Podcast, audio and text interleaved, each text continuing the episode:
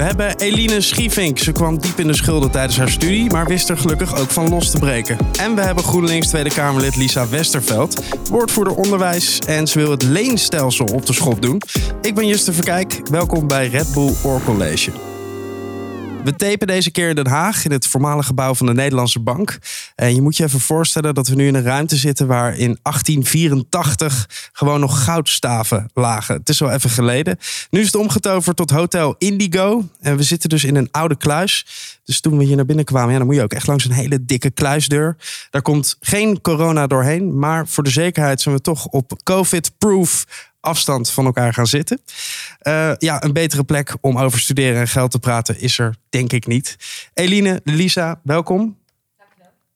En niet te vergeten, ook welkom, de tafelstudent van dienst, Jack Schuler. Yes, welkom Jack. Ja, leuk dat ik kan zijn. We gaan bij jou beginnen, want we starten de podcast altijd met een geluid dat voor jou het onderwerp van deze week typeert. Dus wat heeft nou echt te maken met die, uh, met die geldzaken? Ja, laat maar horen. Ik ga het gelijk laten horen. Klinkt alsof er ieder moment een sumo-worstelwedstrijd kan beginnen. ja, zo klinkt het. Ja, het is het niet. Het is uh, de beursgong. Gong die de, die de beurs opent. En waarom heb je hem meegenomen?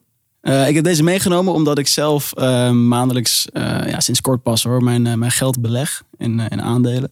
Dus ik vond het eigenlijk wel een hele ja, toepasselijk, toepasselijk geluid. Hoe oud ben je? Ik ben 23. 23 en al lekker bezig in de aandelen? Ja, pas sinds kort hoor, sinds een maandje. En, en hoe, hoe werkt het dan precies? En heb je al winst gemaakt? Uh, nou, ik, ik speel redelijk. Uh, ja, ik beleg mijn geld redelijk passief met weinig risico. Dus um, dat betekent dat je niet heel snel ja, echt geld verdient.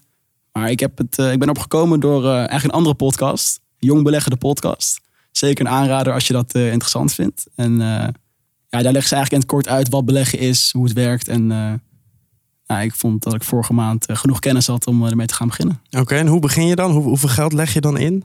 Um, ik heb eerst voor mezelf heb ik een, um, ja, een soort van persoonlijk financieel tabblad gemaakt met al mijn inkomsten en uitgaven. Um, want ik heb natuurlijk ook een studiefinanciering en er wordt ook in de podcast aangehaald dat uh, het beste is om niet te beleggen met geleend geld. Dus dat uh, advies heb ik wel uh, ja, meegenomen. Dus ik wilde kijken van heb ik genoeg geld om te kunnen beleggen überhaupt. En nou, dat heb ik. En dus ik heb uh, afgelopen maand heb ik uh, uh, 53 euro in aandelen gestopt. Ja, en dan nooit geleend geld erin pompen. Nee, dat, dat is de truc. Ja, dat wordt afgeraden en dat begrijp ik heel goed. Dus dat, ja. nee, dat ben ik niet van plan. Hey, en je zei net ook dat je alles bijhoudt in een spreadsheet. Ja, dat klopt. Dus gewoon je huishoudboekje in, in Excel eigenlijk. Ja, dat klopt. En hoe, hoe leef je daarnaar dan? Hoe, hoe kun je vertellen hoe dat, hoe dat werkt voor jou? Um, Praktisch? Ja, dus ik noteer eigenlijk al mijn inkomsten en uitgaven. Um, dus dan voor de maand november, dan in dit geval heb ik uh, begroot hoeveel ik uh, kan uitgeven aan bijvoorbeeld uh, eten en drinken. Dat is natuurlijk een beetje wat, dat schommelt wat meer dan bijvoorbeeld de huur. Dat zijn gewoon vaste lasten.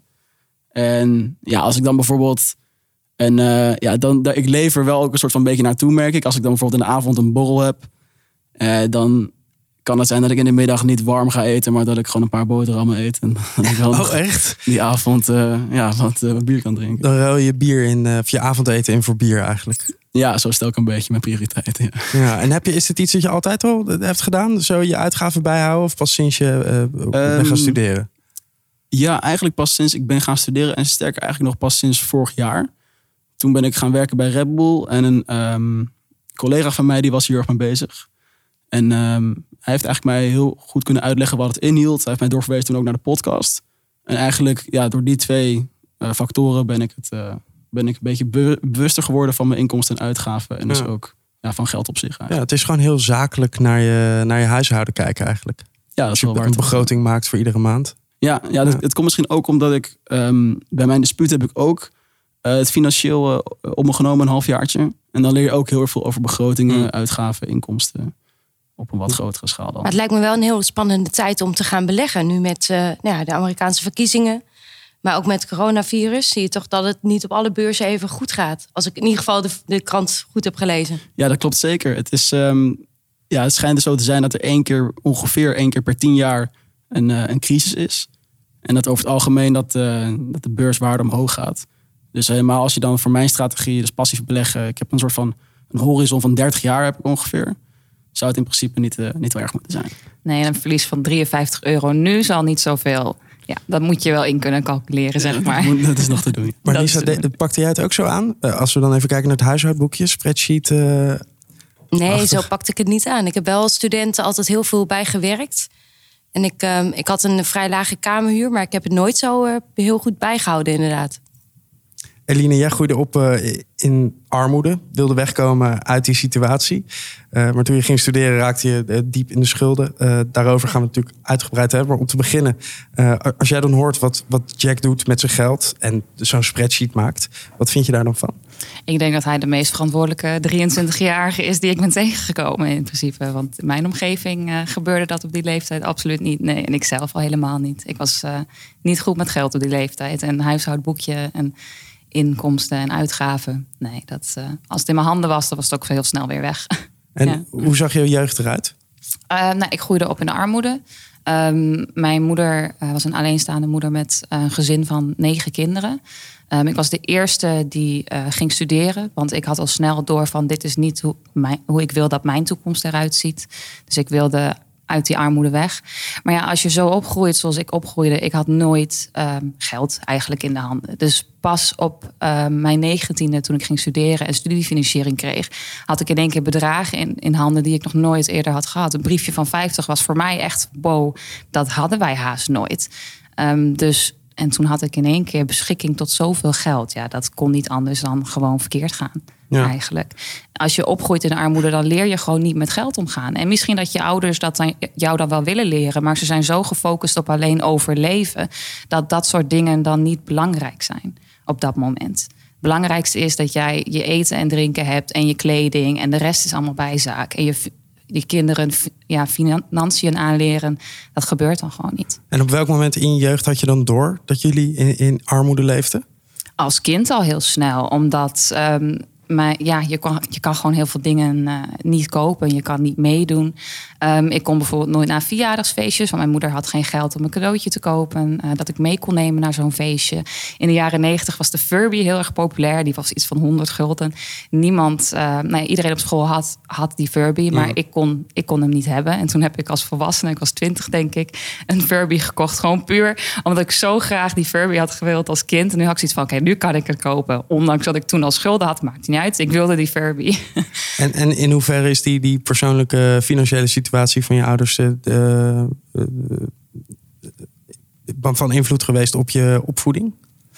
Ja, veel natuurlijk. Zoals ik al zei, als je, in, ehm, als je te maken hebt eh, met armoedestress als ouder, dan is opvoeden is eigenlijk bijzaak. Je staat op overleven. Je moet gewoon alles zien te onderhouden en de dag zien door te komen. Dus opvoeden is gewoon niet zo.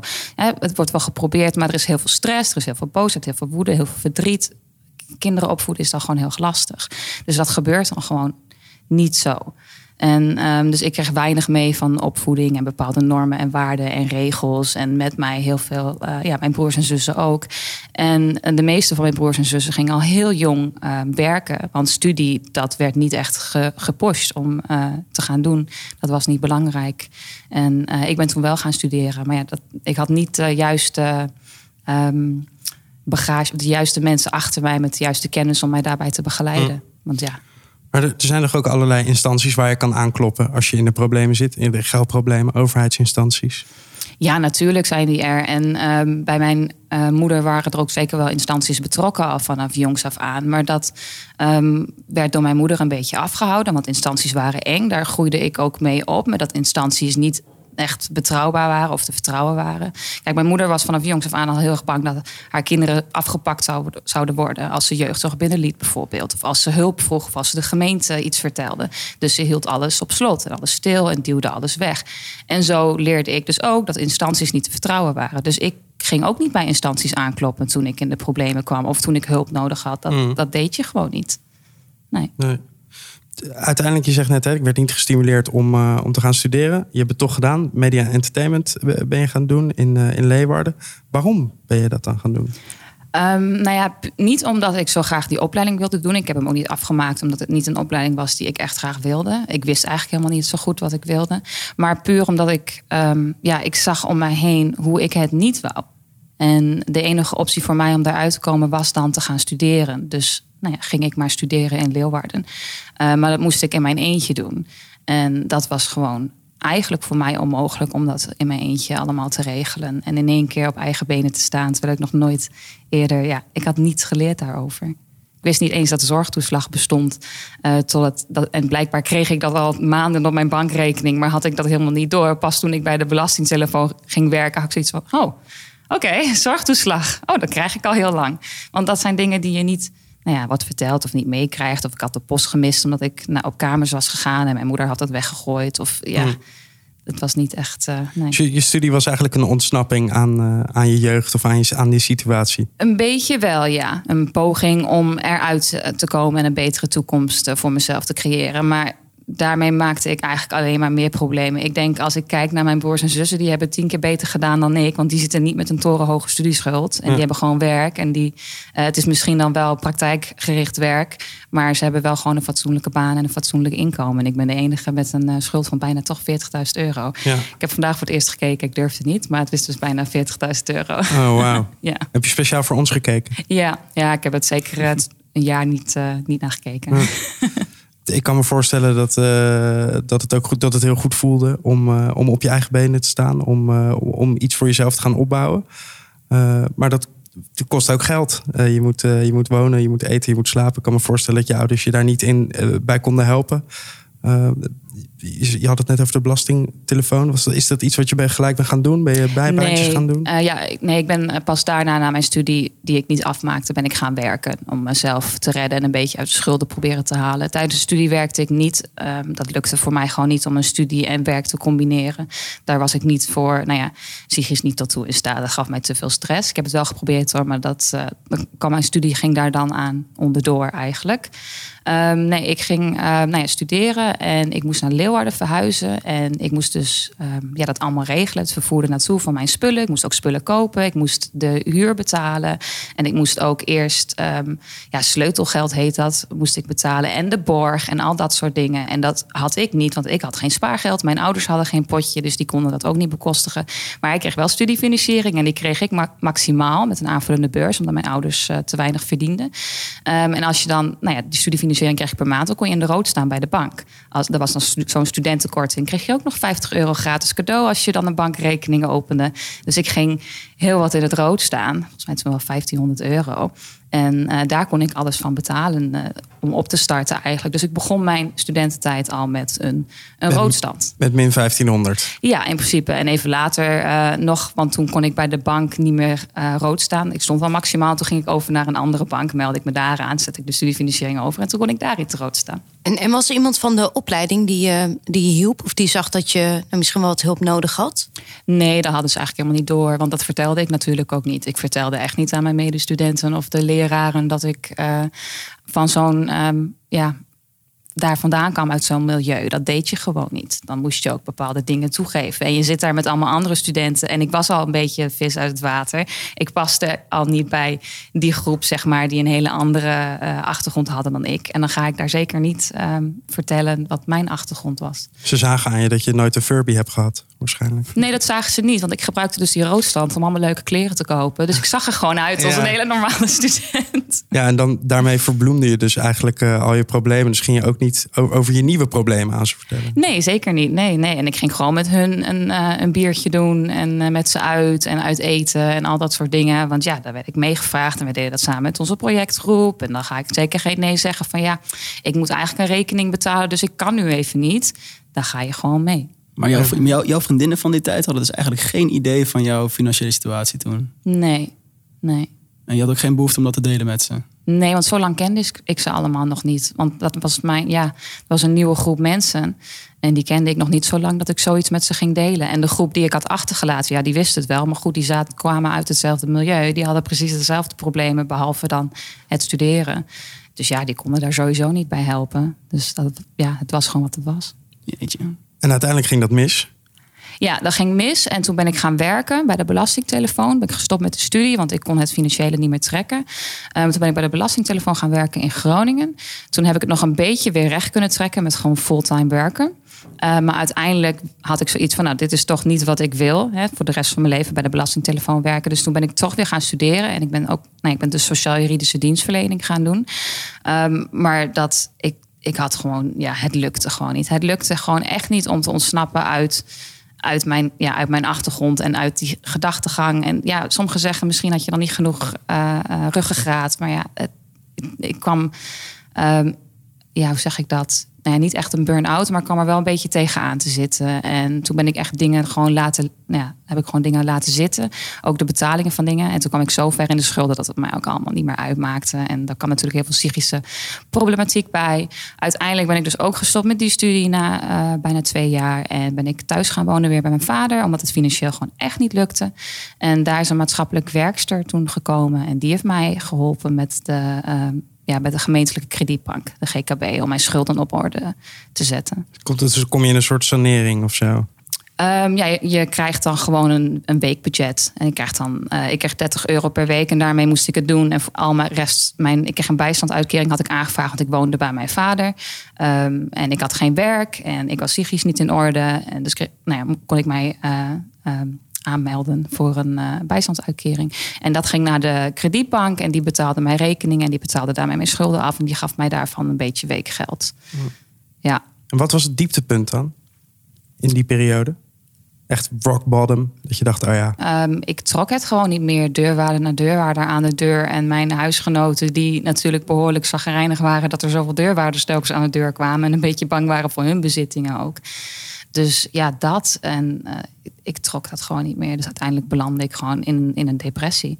En toen moest ik wel gewoon naar huis. Uh, het mooie is dat er natuurlijk ook een omslagpunt is gekomen. Ja, op het moment dat je weer die berg op kon lopen. Ja, ja, dan heb ik echt te danken aan de kredietbank. Het was wel ontzettend ellendig. Want ik had, omdat ik bij mijn vader woonde, um, heel weinig bijstand. Iets van 680 euro of zo vanwege de kosterdelersnorm. Waar ik echt zo'n ontzettende hekel aan heb. Um, daar moest ik het dus mee doen. 680 euro per maand uh, om mijn schulden mee af te betalen. Ik kreeg 30 euro weekgeld en ik rookte toen nog. nou, was. Uh, Daar was kan je niet van roken. Nee. Twee dagen. Mm -hmm. was geen leuke tijd. Uh, maar ik ben er doorheen gekomen en ik ben toen um, andere dingen gaan doen. na een tijdje was ik. ja, ik heb dan natuurlijk heel veel psychische hulp gehad. En na een tijdje was ik er weer aardig bovenop. En een medewerker van de kredietbank, een hele aardige vrouw waar ik heel goed mee, mee kon, die wist van mijn geschiedenis uh, in theater. Ik deed studententheater in Groningen jarenlang. En dat wist zij, want daar hadden we het over gehad. En zij wilde voor haar project Jong en Schuld... wilde zij een keer wat anders doen dan voor de klas staan... en een PowerPoint-presentatie houden. Zij wilde een theaterstuk schrijven. En toen heb ik dat theaterstuk geschreven vanuit mijn eigen ervaringen. En die hebben we toen voor groep 7 en 8 opgevoerd... in verschillende um, nou ja, gemeentes uh, in Drenthe. Dus dat was wel heel gaaf. En toen, daar waren ook wethouders en dergelijke bij betrokken. Die hebben mij natuurlijk gezien en die hebben mijn verhaal gehoord. En toen ben ik steeds vaker gevraagd om als ervaringsdeskundige um, ergens te komen spreken. Dus ik ben nu heel vaak als gastspreker. Uh, ja, doe ik dingen. Of ik geef ook workshops over, over armoede. En ja, voornamelijk generatiearmoede en het opgroeien van. Mm. Uh, ja, het opgroeien in armoede. En wat zei je dan nu? Hè? Want je, je deelt je ervaringen, je, je geeft mensen uh, tips misschien wel. Wat, wat zou je tegen jezelf zeggen? Tegen dat meisje die met die knapzak uh, op kamers gaat? En... Niet doen. Ga niet studeren. Ga gewoon aan het werk. Ik zou echt mezelf aanraden om niet te gaan studeren. Het was het niet waard. Zelfs als ik het had gehaald, was het niet waard geweest. Als ik kijk naar de mensen om me heen die gewoon fatsoenlijk, uh, nou ja, hè, fatsoenlijke banen hebben um, en een vast contract uiteindelijk hebben gekregen, um, ja, die hebben het gewoon lekker voor elkaar. En, um, ja, en ik zit met een schuld en heel veel andere studenten die het dan wel hebben gehad, zitten met die schuld. En op zich zijn de afbetalingsvoorwaarden wel enigszins gunstig, maar niet gunstig genoeg, vind hm. ik voor wat je ervoor krijgt. Ja, maar ligt dat aan die studie of aan de persoon die die studie gaat volgen? Ik weet het niet. Het is heel wisselend natuurlijk. Met de ene studie kom je wel heel ver. Maar ik, ik zou goed over nadenken voordat je gaat studeren. Van is het wel waard? En de schuld afwegen tegen wat je later gaat verdienen. En, hmm. en, en een plan B voor als je het niet redt, hoe je het dan gaat doen. Er moet veel bewogener met zo'n keuze om worden gegaan dan dat je standaard sowieso gewoon standaard gaan studeren naar je middelbare school is er al haast niet meer bij ja. vanwege het leenstelsel. Dus dat is iets waar je sowieso al goed over moet nadenken. Maar ja, ook van hè, is het wel, um, hoe zeg ik dat? Is het wel op toekomst, heeft, geeft het wel goed genoeg toekomstperspectief om deze schuld aan te gaan? Ja. Lisa, hoe, hoe luister jij hier naar? Ja, dat komen we een beetje terug op dat er eigenlijk geen, uh, geen goede woorden zijn om naar zo'n verhaal te luisteren. Omdat het natuurlijk een heel heftig verhaal is en alles wat je zegt. Uh, ja, valt, valt er niet bij wat je allemaal beschrijft. Ik vind het wel heel mooi om dat hier te bespreken. Omdat ik hoop dat juist het vertellen van dit soort verhalen ertoe leidt dat misschien anderen zich uh, nou, ook wel in herkennen. En misschien eerder ja, hulp vragen, ergens naartoe kunnen stappen, hulp uh, hopelijk ook kunnen krijgen. En ook wat je vertelt over generatiearmoede is ook heel herkenbaar. En ook trouwens dat het wordt onderschat. Want ik heb heel vaak, um, nou wordt er ook wel in de, in de Tweede Kamer, dan heb ik debatten. En dan, dan praat je over nou, bijvoorbeeld kinderen die in armoede opgroeien. Dat zijn er in Nederland, is dat 1 op de 8 leeft onder de armoedegrens. Mm Nou, heel vaak wordt het gewoon helemaal niet gezien. Dan, dan denken mensen, ja, maar in mijn omgeving ken ik niemand. Nou, als ik dan jou hoor, dan denk ik dat er in de omgeving van ook anderen best wel wat mensen zijn. Maar dat ze het misschien wel net zo goed konden verbergen als dat jij dat uh, hebt gedaan jullie zouden nu niet zeggen, hè, mensen kunnen mij natuurlijk nu niet zien, maar jullie hier aan tafel zouden niet zeggen van hé, hey, dat is iemand die arm is. Terwijl ik op dit moment nog steeds in armoede leef. Maar dat valt niet te zien. Armoede kan ook onzichtbaar zijn. Het is niet alleen maar het stereotype bier drinken en roken in de voortuin. Dat, dat is ondertussen niet meer zo. Armoede komt ook gewoon voor bij gewoon normale doorsnee gezinnen. Dus het kan heel onzichtbaar zijn. Het is zowel zichtbaar, maar ook zeker onzichtbaar. En dat wordt te vaak onderschat. Ja. En eh, is er licht aan het eind van de tunnel? Zie jij waar je problemen ophouden? Hoeveel jaar je nog in de problemen zit? Nou ja, voor mij is er wel licht aan de tunnel. Maar ik heb gewoon ontzettend veel geluk met dat ik sociaal vaardig ben. En dat ik um, een uh, schuldhulpverlener had die mij hielp en hmm. mij aan het theaterstuk hielp, waardoor ik kon gaan netwerken. En uh, vanuit kinderhulp is mij dus deze thuisstudie, ik doe nu weer weer sociaal-juridische dienstverlening. Die kan ik nu afmaken via een thuisstudie. En die is via kinderhulp, uh, ja, die heeft mij dat aangeboden, zeg maar. Dus ik heb weer een toekomst daardoor. En daar ben ik ontzettend blij mee. Maar ik ben een ontzettend grote uitzondering. En eigenlijk mag je niet studeren als je in de bijstand zit. Maar hè, dat is heel waterdicht gemaakt. En met veel overleg is dat tot stand gekomen. Maar ik ben echt een uitzondering. Over het algemeen, als jij in de bijstand zit, dan heb je weinig kansen. En dan moet je wel heel erg van, nou ja, van goede huizen komen om kansen te creëren en hmm. dan te benutten. Dat is haast niet te doen. Dus voor mij is het toekomst, maar, maar voor veel mensen in mijn situatie absoluut niet. Nou, ik hoop dat het zo snel mogelijk goed komt. Ik ook, ja. absoluut. Jack, uh, ben je je studie al aan het uh, cancelen of niet? Als je denkt, oh, ik ga er toch mee stoppen? Nee, gelukkig niet. Nee, gelukkig niet. Nee, ik wilde wel nog eventjes vragen, want um, voor uh, mensen die nog misschien gaan studeren of misschien niet, die daar nog een beetje onzeker naar kijken ik heb zelf, uh, mijn mening is daarin, uh, doe gewoon wat je leuk vindt. Dus als je bijvoorbeeld het leuk vindt om niet te gaan studeren, um, ga, doe, doe het dan vooral niet. En pak iets op wat jij wel leuk vindt. Ik heb bijvoorbeeld een vriend en die, uh, die zit heel erg ook in de, in de media en die heeft daar in zijn eigen bedrijf en het gaat supergoed, vindt hij hartstikke leuk. Geen, hij is niet, niet gestudeerd. Maar als je bijvoorbeeld, misschien in jouw geval is het geweest dat jouw studie gewoon niet aansloot op wat jij leuk vond. Klopt dat een beetje? Of is dat nee, niet, nee. Uh... ja, mijn eerste studie wel. Maar de studie die ik toen uh, als laatste begon en nu weer deed... dat is echt een studie waar ik absoluut verder mee wil... en waar ik ontzettend veel van hou. Dat was zeker niet het punt. Het was voor mij gewoon financieel en psychisch te zwaar. Ik had een te zware rugzak mee vanuit mijn achtergrond, vanuit mijn verleden. En het was te moeilijk om dat nou ja, om daar overheen te komen. Daar was geen goed vangnet voor. Kijk, heel veel mensen die studeren hebben hun familie en ouders als vangnet. Ik had geen enkel vangnet. En dan is het aan de overheid om zo'n vangnet te creëren, maar die is er gewoon niet. Ja, ja super heftig. Ja, en, ik, en daar ben ik het wel mee eens hoor. Ik ben um, naast woordvoerder onderwijs ook woordvoerder jeugdhulp. Dus ik kom best wel mhm. vaak met jongeren tegen die volledig vastlopen. Nou, die ook psychische problemen hebben, die overal inderdaad aankloppen. En die elke keer horen, ja, maar je moet bij het volgende loket zijn. Hm. Ja, en die helemaal vastlopen. En daar raak je natuurlijk ook gewoon uitgeput van. Dat je wel overal aanklopt, dat je aangeeft, ik heb hulp nodig. En vervolgens elke keer eigenlijk een deur tegen je neus aan krijgt. Ik kan me voorstellen dat je daar ook gewoon moe van wordt. En op een gegeven moment denkt, ja, iedereen laat me in de steek en er dan maar mee stopt. Ja, maar weet je wat nog mooier zou zijn? Als er geen tieners zouden zijn die hulp zouden moeten vragen. Als kinderarmoede gewoon daadwerkelijk adequaat wordt aangepakt. Ja, dat het er gewoon niet is. Dan is het allemaal niet nodig. En um, studeren zou um, ja, voor iedereen moeten zijn. Maar op dit moment is dat gewoon niet zo met het nieuwe leenstelsel. Het was al ontzettend moeilijk met het oude systeem waar ik dus mee uh, startte. Maar met het leenstelsel is dat helemaal onmogelijk. We gaan het zo uh, uitgebreid over het leenstelsel hebben. En over, we gaan heel diep in die portefeuilles van jou duiken, okay. Lisa. Dat lijkt me heel goed. Off the record. Iedere week gaat een student voor ons op zoek naar een situatie waar je niet zo snel komt. En deze week ging Puk op pad met Sylvana. Zij is een tijd dakloos geweest toen ze studeerde. Als student hebben we allemaal eens de maand dat Ome Dumo niet vroeg genoeg kan komen. Dat de pasta pesto de spuigaten uitloopt en dat je toch iets meer op je geld moet letten. Maar heb je ooit wel eens bij stilgestaan dat het ook zo kan lopen dat je op straat komt te staan? Ik ben Puk en vandaag ben ik met Sylvana mee. Zij is 22 jaar, student en een tijdje dakloos geweest. Eh, ik sta momenteel te wachten op de tram met Sylvana, want uh, waar gaan we naartoe? Wij uh, gaan naar dakloze um, opvang. daar heb ik zelf als toen de tijd ook student een tijdje gezeten. Oké, okay, nou ik, ik geloof dat de tram er aankomt. ik pak mijn OV erbij en dan gaan we die kant. Oké, okay, daar staan we dan. Lekker in de tram. Het is druk. Mondkapje op, dus... Um, hey, Savannah, vertel. Hoe ben jij dakloos geworden?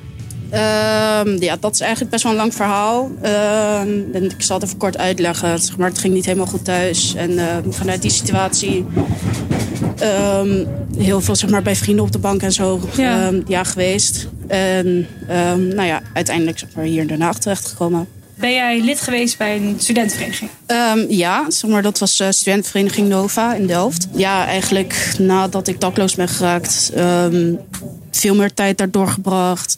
Want wie, wie, is, wie wist er allemaal dat je dakloos was? Heb je dat, uh, dat met je omgeving gedeeld? Nee, dat zijn een, echt een handjevol mensen. Bijna, zeg maar, nou ja, net zoals de studentenvereniging. Niemand wist het daar. En ja, het, was vooral um, ja, afleiding. En weet je, ja. ik had wat te doen. En Um, weet je, ik viel er verder niemand mee lastig. Dus er was eigenlijk verder niks negatiefs aan. Zo, we zijn de metro uit. Het mondkapje kan weer af. Kunnen we even normaal ademhalen. Zo, maar echt. Ja. Is dit het al? Maar dit is het. Dit is het. Hoe voelt het dan om nu ja, hier te zijn? ja, heel apart zeg maar, om hier voor, um, voor de deur te staan. Oké, okay, nou nu lopen we door de gang. Het zijn best wel uh, lange gangen ook. Dus met een beetje, beetje denken aan een uh, sportkantine. Mogen we hier naar binnen? Ik weet het niet. Ik heb echt geen idee. Zitten met z'n drieën op één zo'n kamer? Wij okay. zaten met z'n drieën ja. op één zo'n kamer. En dan ja, als je een tafeltje, een paar stoeltjes erbij. Nou ja, dit was het eigenlijk. Zo, we zijn er net uit. Dat was, uh, ik vond het indrukwekkend. Ik vond het echt even heel ja. gek ook om te zien hoe dit dan in zo'n zo'n groot gebouw ook uh, gaande is. Ja, ik vond het ook wel weer heftig om weer, ja, toch weer terug binnen te zijn. Ja. En... Want hoe gaat het nu met je? Um, ja, nu gaat het eigenlijk wel goed. En ik heb nu ja, een soort van mijn eigen woning. Ja. Uh, ja, ik studeer weer. Weet je, ik zit nu in mijn tweede jaar van mijn opleiding. En daar, ja, ik doe mijn stage gewoon. En ja, het gaat allemaal hartstikke goed eigenlijk. Ik vind het ook heel mooi. Moet ik echt zeggen dat jij hier gewoon echt als inspiratie staat veranderen. Ik vind dat echt, echt zo stoer. Dat mag ook even gezegd worden. Nee, ja, ja dankjewel. Dit was een hele andere kant van het lang levende los studentenleventje. Gelukkig heeft Sylvana na anderhalf jaar dakloos zijn geweest weer een plek voor zichzelf.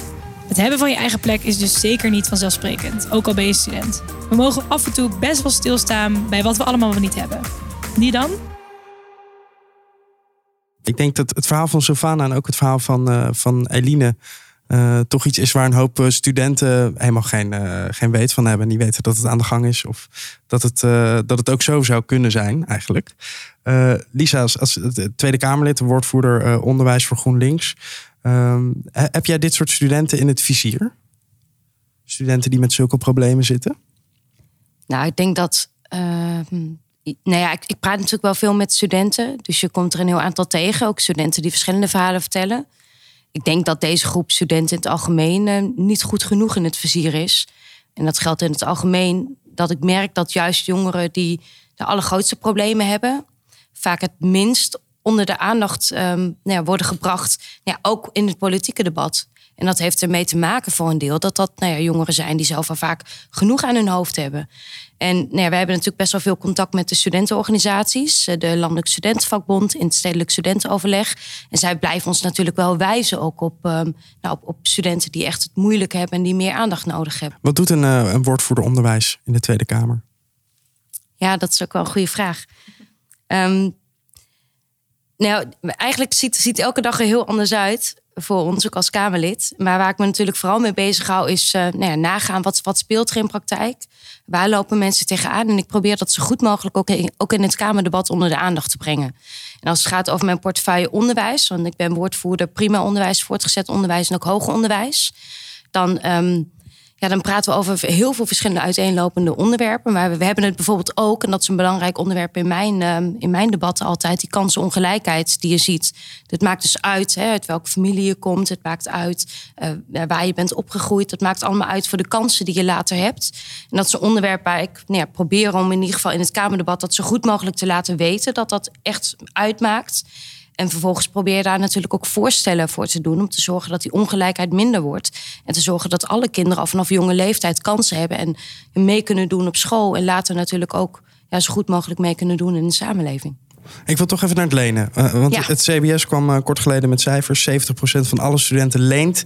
En gemiddeld 700 euro per maand. Hoe groot is dat schuldenprobleem onder ja, het is fors.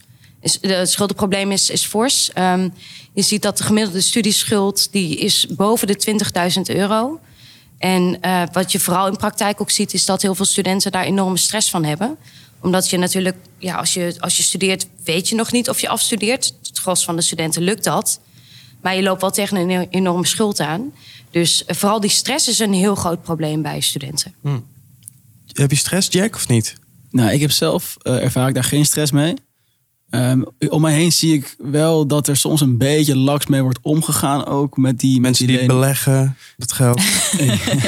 Hey, maar Ja, dat, gaat hem wel redden in de toekomst. Hè? Ja, ja, Daar ja, gaat hij zijn ja, ja. studieschuld natuurlijk mee afbetalen. Maar ik heb bijvoorbeeld ook eh, vrienden om me heen die lenen maximaal bij. Ja. En die hebben het eigenlijk niet nodig. En die hebben ook geen bijbaantje.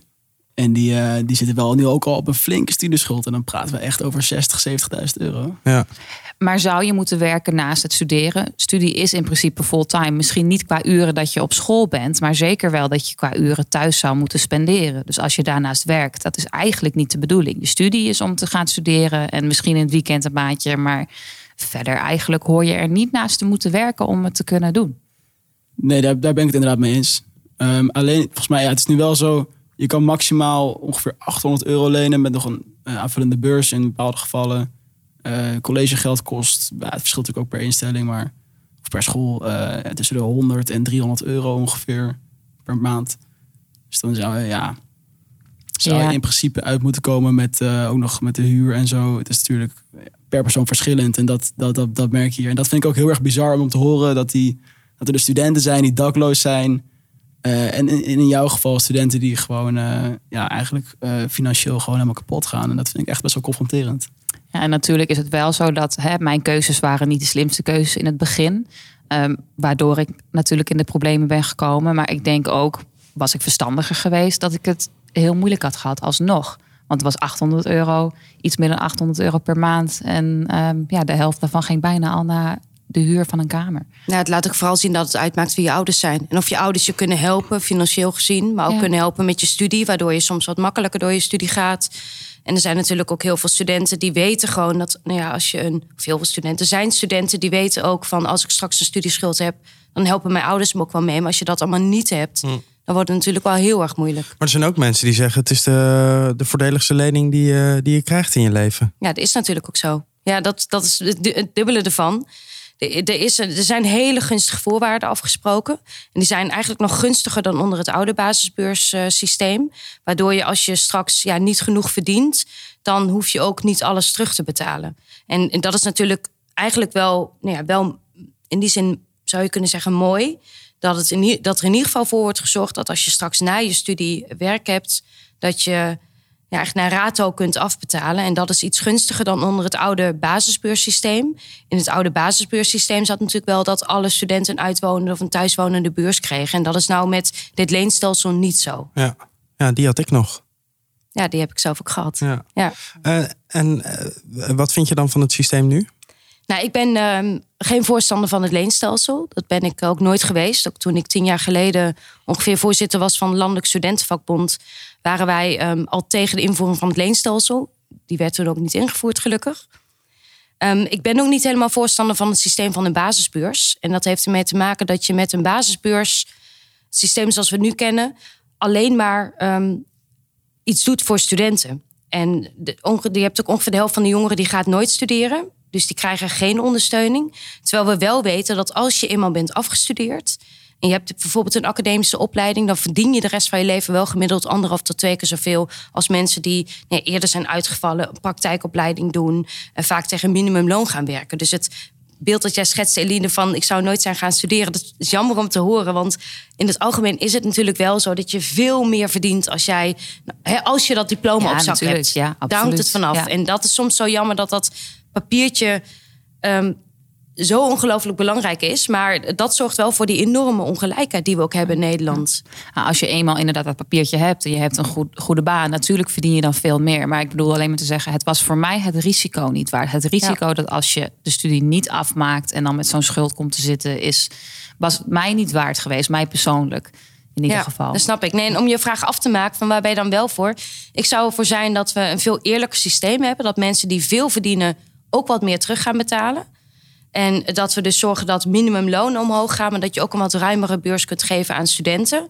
Daar zou ik echt voor zijn. Dus eigenlijk, ja, even los van alleen die discussie over het leenstelsel... ben ik voor veel meer inkomens- en vermogensgelijkheid in Nederland. Dat zouden we eerlijker moeten verdelen, wat we allemaal hebben. Want die rijkdom is eigenlijk in handen ja, van een paar procent... maar van de Nederlanders heeft het grote merendeel van het vermogen...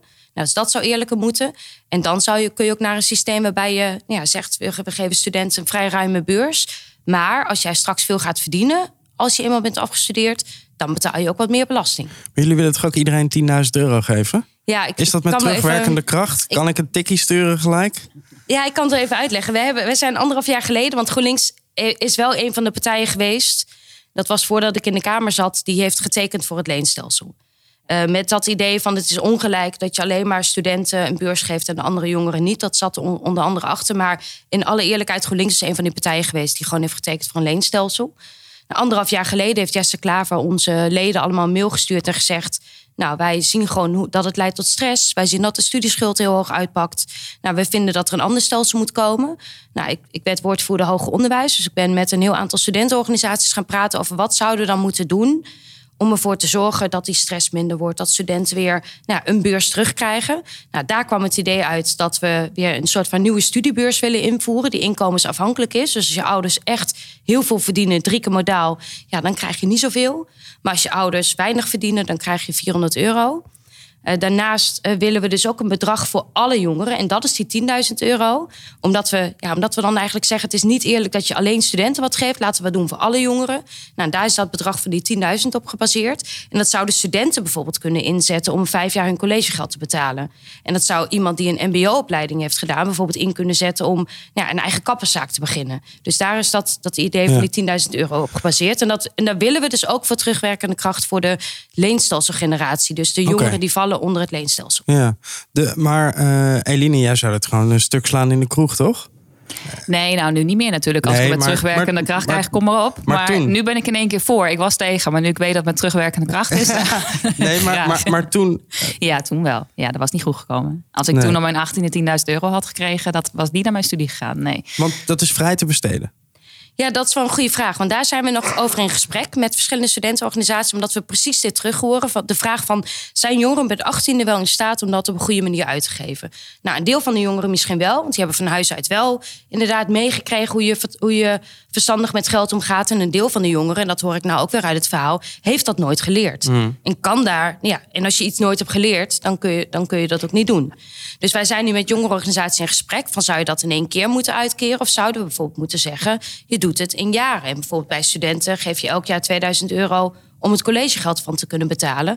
Of we zouden ervoor kunnen kiezen om aan jongeren die 18 zijn te vragen om een soort van investeringsplan te maken. Daar zou je dan ook op, nou ja, in je opleiding of naast je opleiding aandacht aan kunnen geven. Om het op die manier dus wel te investeren natuurlijk in of je opleiding of bijvoorbeeld in een eigen bedrijfje of iets anders waarmee je investeert in jezelf. Want Ja. dat is uitdrukkelijk de bedoeling. Ja, opties. Ik denk dat het opties moeten zijn. Ja, dat, daar komen wij ook op uit. En dat, je zit wel met het dilemma dat hoe meer zeg maar, voorwaarden je maakt, Mm. Hoe meer je het ook moet gaan controleren. Weer een nieuwe instantie. Ja, en, dus we zitten, ik, ik sta er heel erg voor open ook om na te denken over welke opties moet je meegeven. En tegelijkertijd wil je natuurlijk ook niet dat een heel groot van dit bedrag uiteindelijk weglekt, omdat er een controleapparaat op moet komen. Ja. En dat, dat is precies dus ook mijn probleem. En wat ik ook niet begrijp. Er zijn al zoveel beleidsregels en instanties. En dan komt er weer wat bij. Het systeem, het beleid is al kapot. In plaats van er nog meer geld tegenaan te gooien. En te kijken wat plakt aan de muur. Misschien kun je beter het systeem systeem herstellen in plaats van nog meer regels erbij. Zorgen dat gewoon de huren omlaag gaan, dat er een fatsoenlijk uh, studiefinancieringsstelsel komt, dat uh, het minimum jeugdloon omhoog gaat. Dat soort dingen werken daaraan in plaats van nu weer zo'n toelage, weer iets nieuws erbovenop om het kapotte systeem proberen te herstellen in plaats van daadwerkelijk dat systeem om te draaien. Dat, dat, daarom ben ik er zo op tegen. Ondanks dat ik echt wel vind dat 10.000 euro een mooi startbedrag is voor 18-jarigen. Dat, dat is echt niet verkeerd. Maar het is een, een lappenmiddel, een, een pleister op, op een bloedende, gapende wond in mijn optiek. Het is niet de oplossing. Nee, ik, ik wilde wel iets over zeggen. Want ik snap wel dat je dat als het in plaats van zou zijn, zou het wel zo zijn. Maar wij hebben in ons verkiezingsprogramma en, en, voor jullie beeld niet alleen het programma, maar uh, politieke partijen laten het ook doorrekenen, zodat je niet gebakken lucht uh, belooft en, en uiteindelijk niks van komt. Er zijn we partijen die dat doen hoor. Dus niet alle partijen laten door. Wij wel.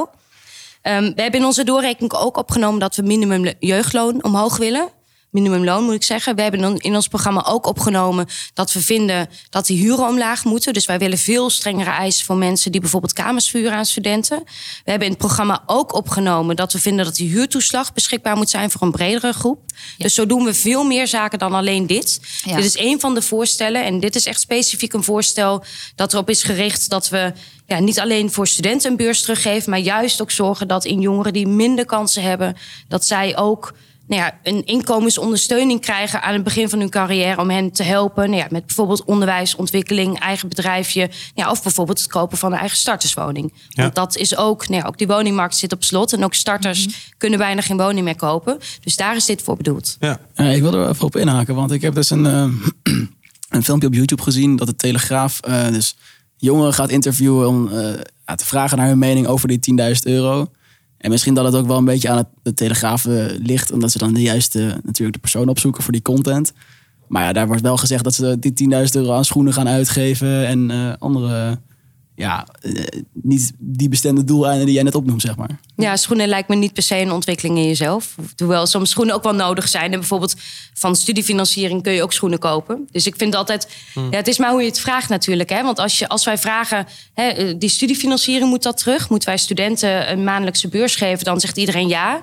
Of als je vraagt eh, de AOW, die ook 15.000 euro per jaar is hè, voor mensen die boven de 65 zijn, vinden we allemaal heel normaal.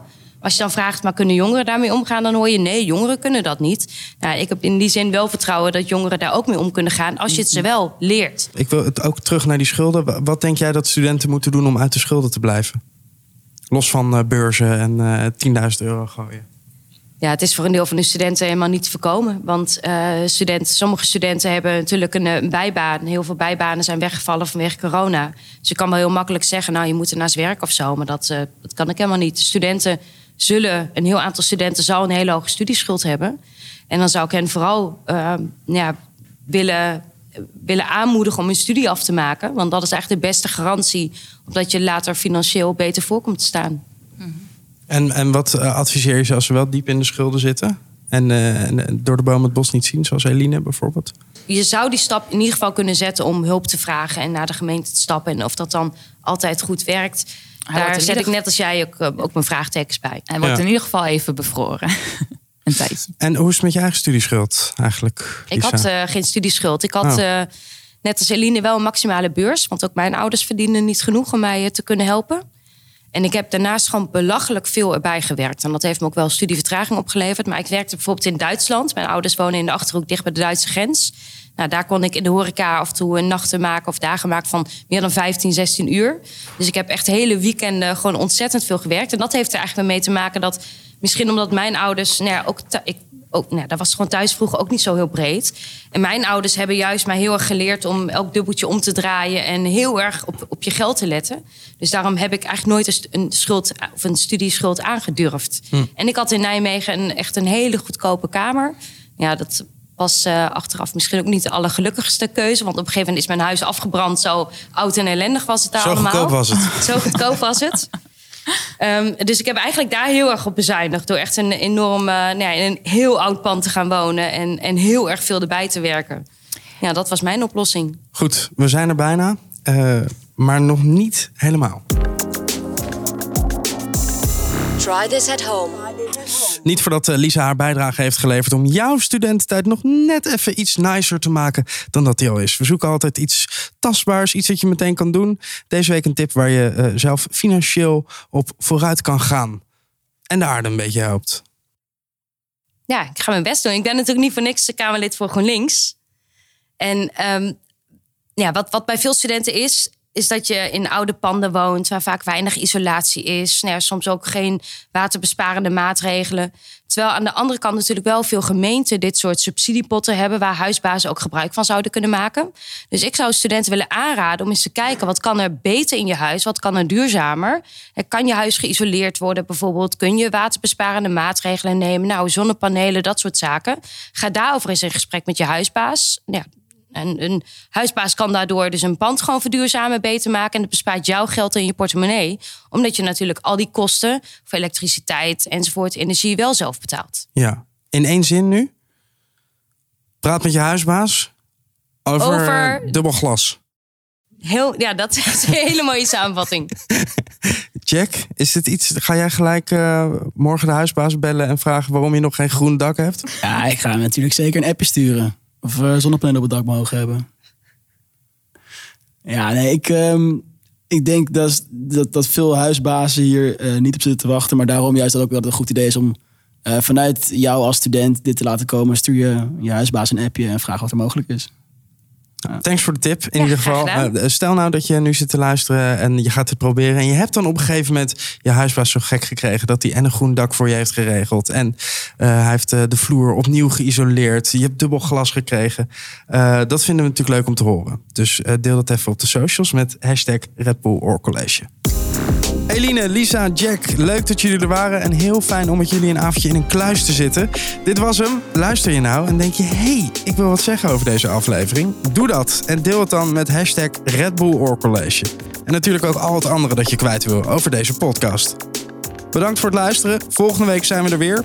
Zelfde kanaal en in alle andere podcastkanalen. Oh ja, en like ons even in Apple Podcasts door 5 sterren te geven of laat een recensie achter. Doei!